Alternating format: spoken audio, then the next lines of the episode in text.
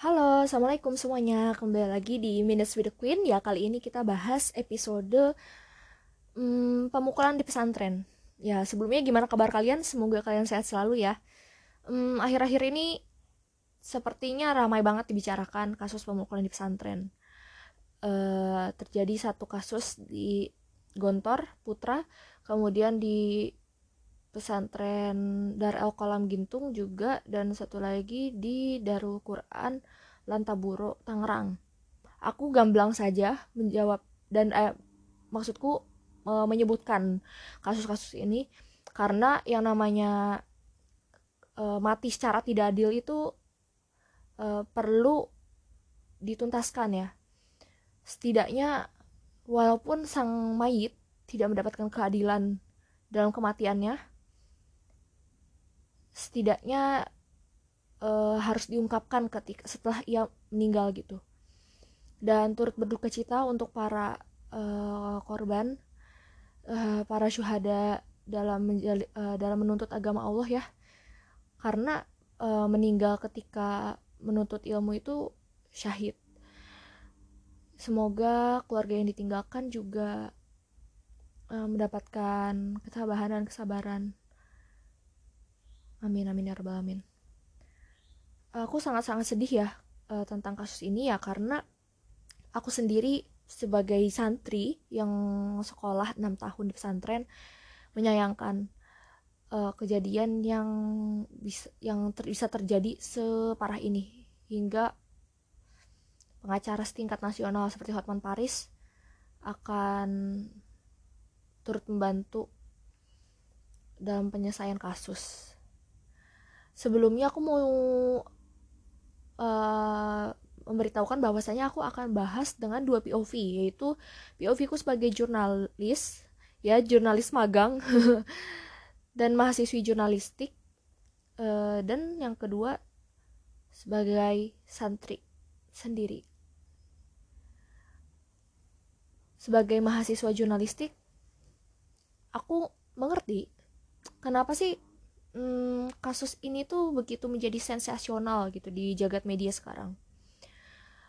Beberapa temanku mengeluhkan ap apakah ini tuh cuma pengalihan isu dari kasus Fedi Sambo? Apakah ini pengalihan isu dari kasus BBM naik? Padahal kan ini cuma kasus pemukulan di sekolah aja. Dan bagi mereka beberapa mengatakan kasus ini bisa saja dilebih-lebihkan karena kasus penganiayaan dan pemukulan itu bisa terjadi di sekolah mana saja.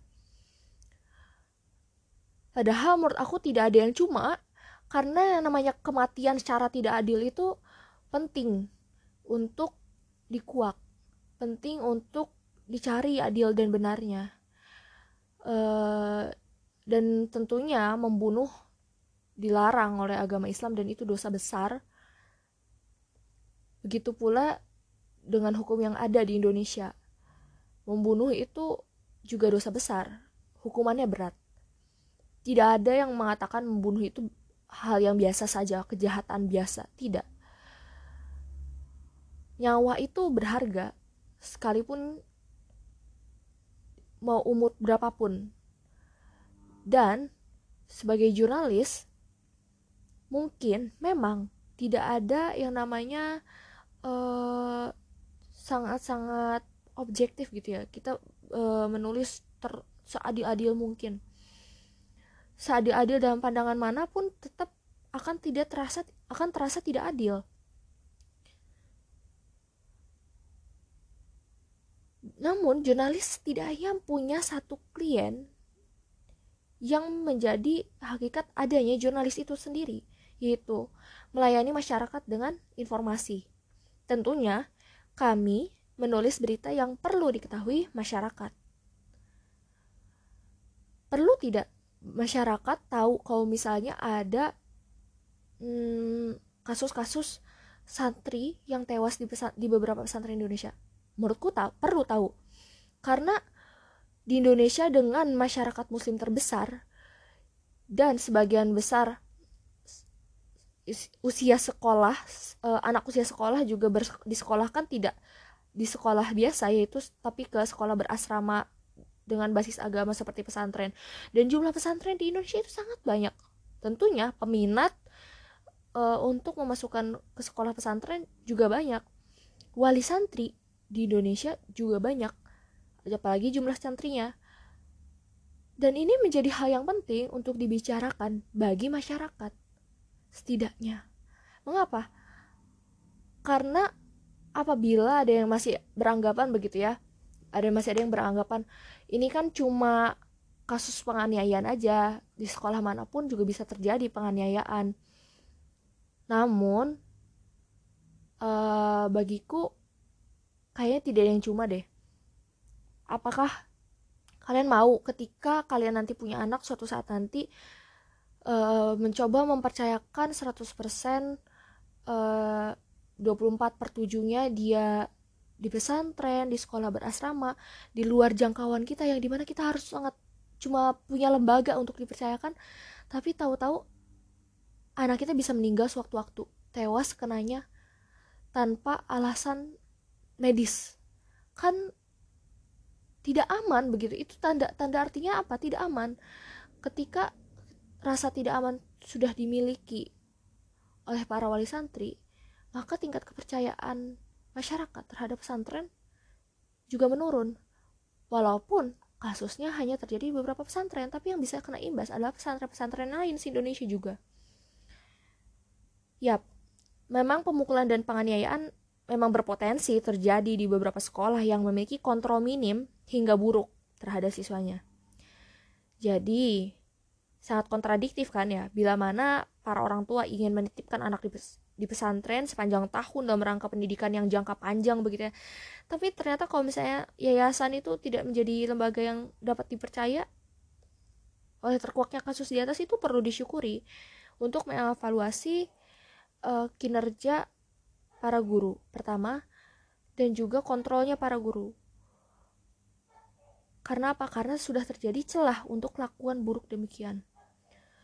Selain itu, sepertinya ada uh, satu uh, ada beberapa hal lah katakanlah bukan satu ada beberapa hal yang hilang dari pendidikan pesantren masa kini yaitu muncul-munculnya taasub taasub membanggakan diri atas kesukuan membanggakan diri atas um, generasi yang memicu adi, adanya memicu munculnya perpecah belahan di antara komunitas santri ekosistem santri itu sendiri.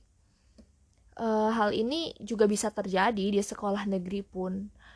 Tapi di pesantren dengan sistem kehidupan 24 per 7 bersama teman-teman selalu, bersama guru-guru, dengan orang-orang uh, asing di luar keluarga kita, non keluarga, pastinya uh, orang juga punya naluri untuk berkumpul bersama dengan orang-orang yang setidaknya memiliki kesamaan status atau kesamaan identikal dengan dirinya. Maka muncullah itu tasub. Tasub ini memang hmm, ada baiknya untuk uh, memicu daya saing menurut aku ya karena misalnya ada lomba-lomba di pesantren kemudian dikelompokkan kontingen-kontingen uh, dikelompokkan per kelas dikelompokkan per uh, generasi dikelompokkan per uh, apa disebutnya itu konsulat ya. Konsulat itu jadi daerah asal ya.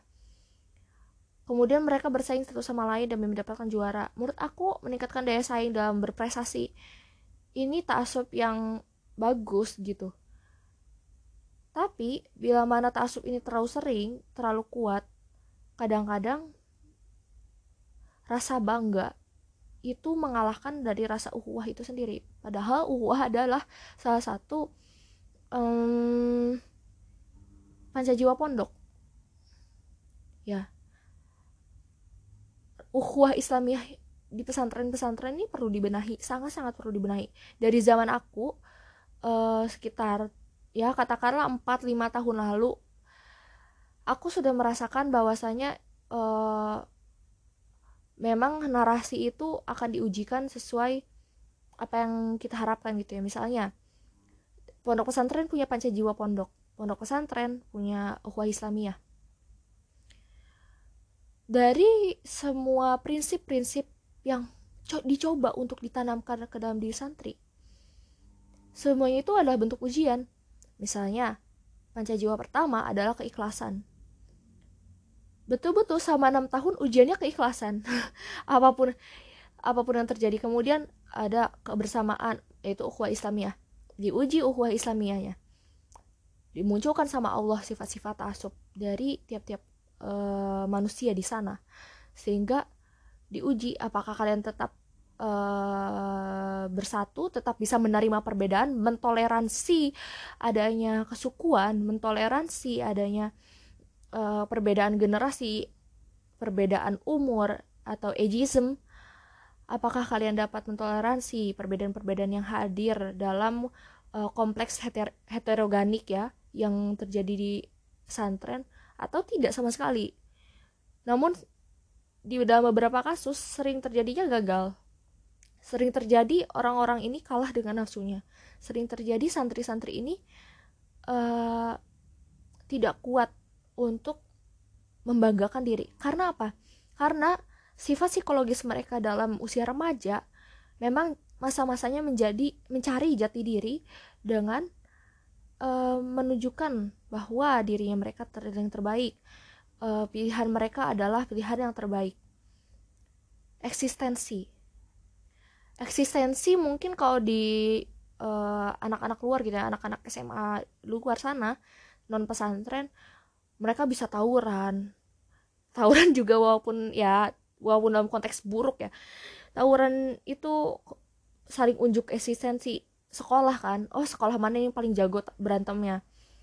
Kemudian ada di lomba misalnya itu saling ujuk eksistensi kalau saling ujuk eksistensi antar pesantren ya kita cuma bisa lomba. Nggak ada kan pernah dengar pesan antar pesantren tawuran gitu ya.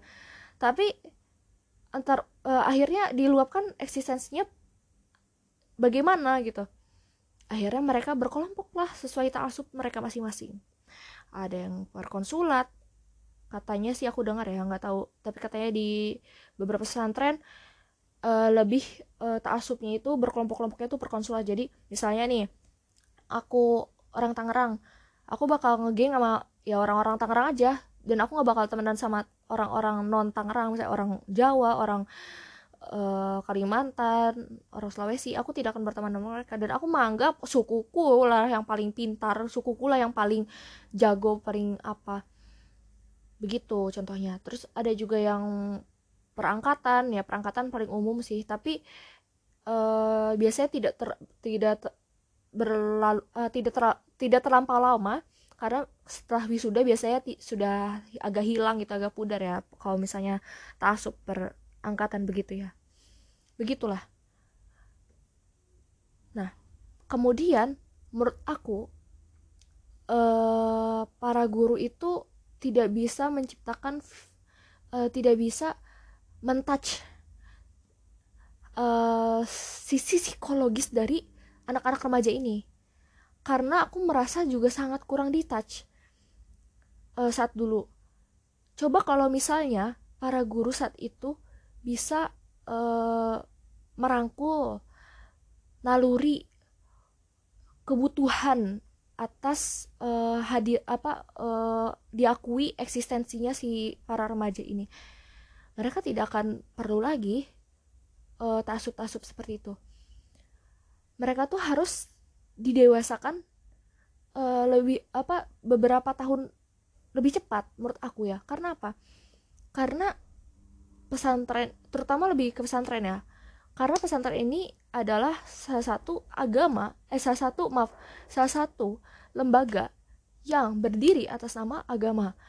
Dan demi agama mana pun apabila suatu lembaga atau suatu yayasan sudah berdiri atas nama agama maka tanggung jawabnya langsung di hadapan Tuhan dan itu tidak bisa main-main itu tidak bisa main-main beda hadirnya dengan sekolah negeri ataupun sekolah swasta yang uh, tidak berbasis pendidikan agama. Mereka bertanggung jawab kepada negara. Pesantren hadir uh, dengan mengatasnamakan agama dan diizinkan oleh negara. Tang punya tanggung jawab terhadap dua ya tentunya dengan masyarakat juga. Menurut aku inilah mengapa uh, perlu adanya anak-anak santri ini dididik untuk menjadi lebih dewasa walaupun tidak apa-apa. Uh, didoktrin untuk menjadi lebih dewasa pemikirannya dibanding anak-anak yang di sekolah biasa. Karena mereka juga mencerminkan negara eh mereka juga mencerminkan agama mereka.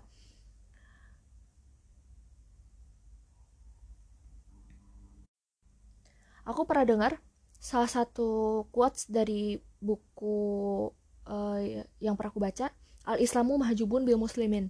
Islam itu keindahannya tertutup oleh uh, akhlak kaum kaum muslim itu sendiri. Di mana waktu itu ada seorang uh, Eropa yang ingin belajar Islam. Kemudian ia berpikir untuk datang langsung saja saya ke Mesir. Uh, di mana di sana pusat studi Islam saya bisa belajar Islam di sana. Uh, setahu saya Islam ini agama yang indah. Pasti ketika saya di Mesir saya menemukan keindahan Islam itu. Nyatanya tidak. Ketika ia baru sampai ia lihat orang yang kencing sembarangan di depan fasilitas umum padahal setahu dia Islam mengajarkan mengajarkan untuk istinja. Menurutku, ini mirip dengan kasus yang terjadi sekarang. Islam tidak pernah mengajarkan pembunuhan yang zolim seperti itu. Islam tidak mengajarkan untuk membunuh nyawa sia-sia. Tapi hal ini, indahnya Islam ini, tercoreng oleh oknum-oknum yang tidak tersentuh hatinya sama sekali oleh hakikat ajaran Islam. Tauhid anak-anak perlu dikencangkan lagi. Basis dasar berpikir anak-anak pesantren itu perlu dikuatkan lagi. Gak cuma sekedar hafalan. Ini gak cuma jangan cuma sekedar hafalan, apalagi sekedar bahasa uh, hafalan materi pelajaran bahasa Arab. Tauhid. Gozul fikir persiapan untuk gozul fikir tuh harus ada. Kemudian uh, fikih terutama. Fikih juga. Dan banyak dan banyak ilmu-ilmu agama lain yang menurut aku sangat-sangat dianggap sepele gitu bagi beberapa pesantren modern. Bila mana santri-santri kita anak-anak kita sudah tersentuh hatinya oleh Islam, sudah tersentuh kejiwaannya oleh Islam, mereka tidak akan sibuk-sibuk mencari eksistensi dengan tasuk hingga mencelakai uh, orang lain, hingga mencelakai saudara muslimnya sendiri. Dan aku adalah aku duduk dalam lingkungan orang-orang, dalam lingkupan orang-orang yang tidak menyetujui adanya pemukulan di pesantren. Hukuman apa pun sekecil itu. Aku tidak setuju.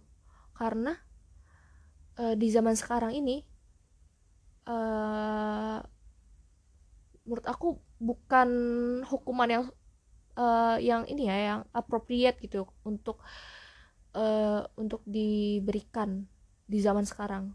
Memukul itu bukan lagi uh, hukuman yang cocok untuk diberikan kepada generasi di kita hingga ke bawah. Banyak hukuman-hukuman lain yang bisa diberikan atau bahkan tidak perlu dengan hukuman. Ada bisa negosiasi bisa kontrak banyak hal uh, ada konsekuensi banyak hal yang bisa bisa uh, dilakukan sebagai jalan pintas begitu. Sebagai jalan lain selain kata hukuman dan pemukulan. Menurut aku begitu. Dan hingga saat ini apakah pendidikan di pesantren salah? Tidak. Menurut aku pendidikan di pesantren adalah hal terbaik yang pernah aku uh, alami dalam hidup. Yang pernah aku enyam sama enam tahun ini adalah hal yang sangat-sangat aku syukuri. Tapi um, itu tadi apabila guru-guru sekarang menyepelekan adanya kontrol guru-guru menyepelekan uh, tauhid yang ada di diri santri guru-guru menyepelekan taasub-taasub kecil yang muncul di ekosistem para santri maka tidak salah lagi maka tidak heran lagi bila kasus-kasus penganiayaan dan kezoliman yang terjadi bisa muncul terus-menerus dan bahkan lebih besar dari kasus yang pernah terjadi hingga saat ini. Begitu. Um, mungkin segitu pandangan aku dan kalau ada yang mau tanya boleh di DM aku aja dan sebetulnya apa dan sekali lagi yang terakhir Div sebenarnya di pesantrenmu pernah nggak ada kasus pemukulan seperti itu ada pernah pernah terjadi. Bahkan uh, aku dikisahkan sendiri sama sahabatku.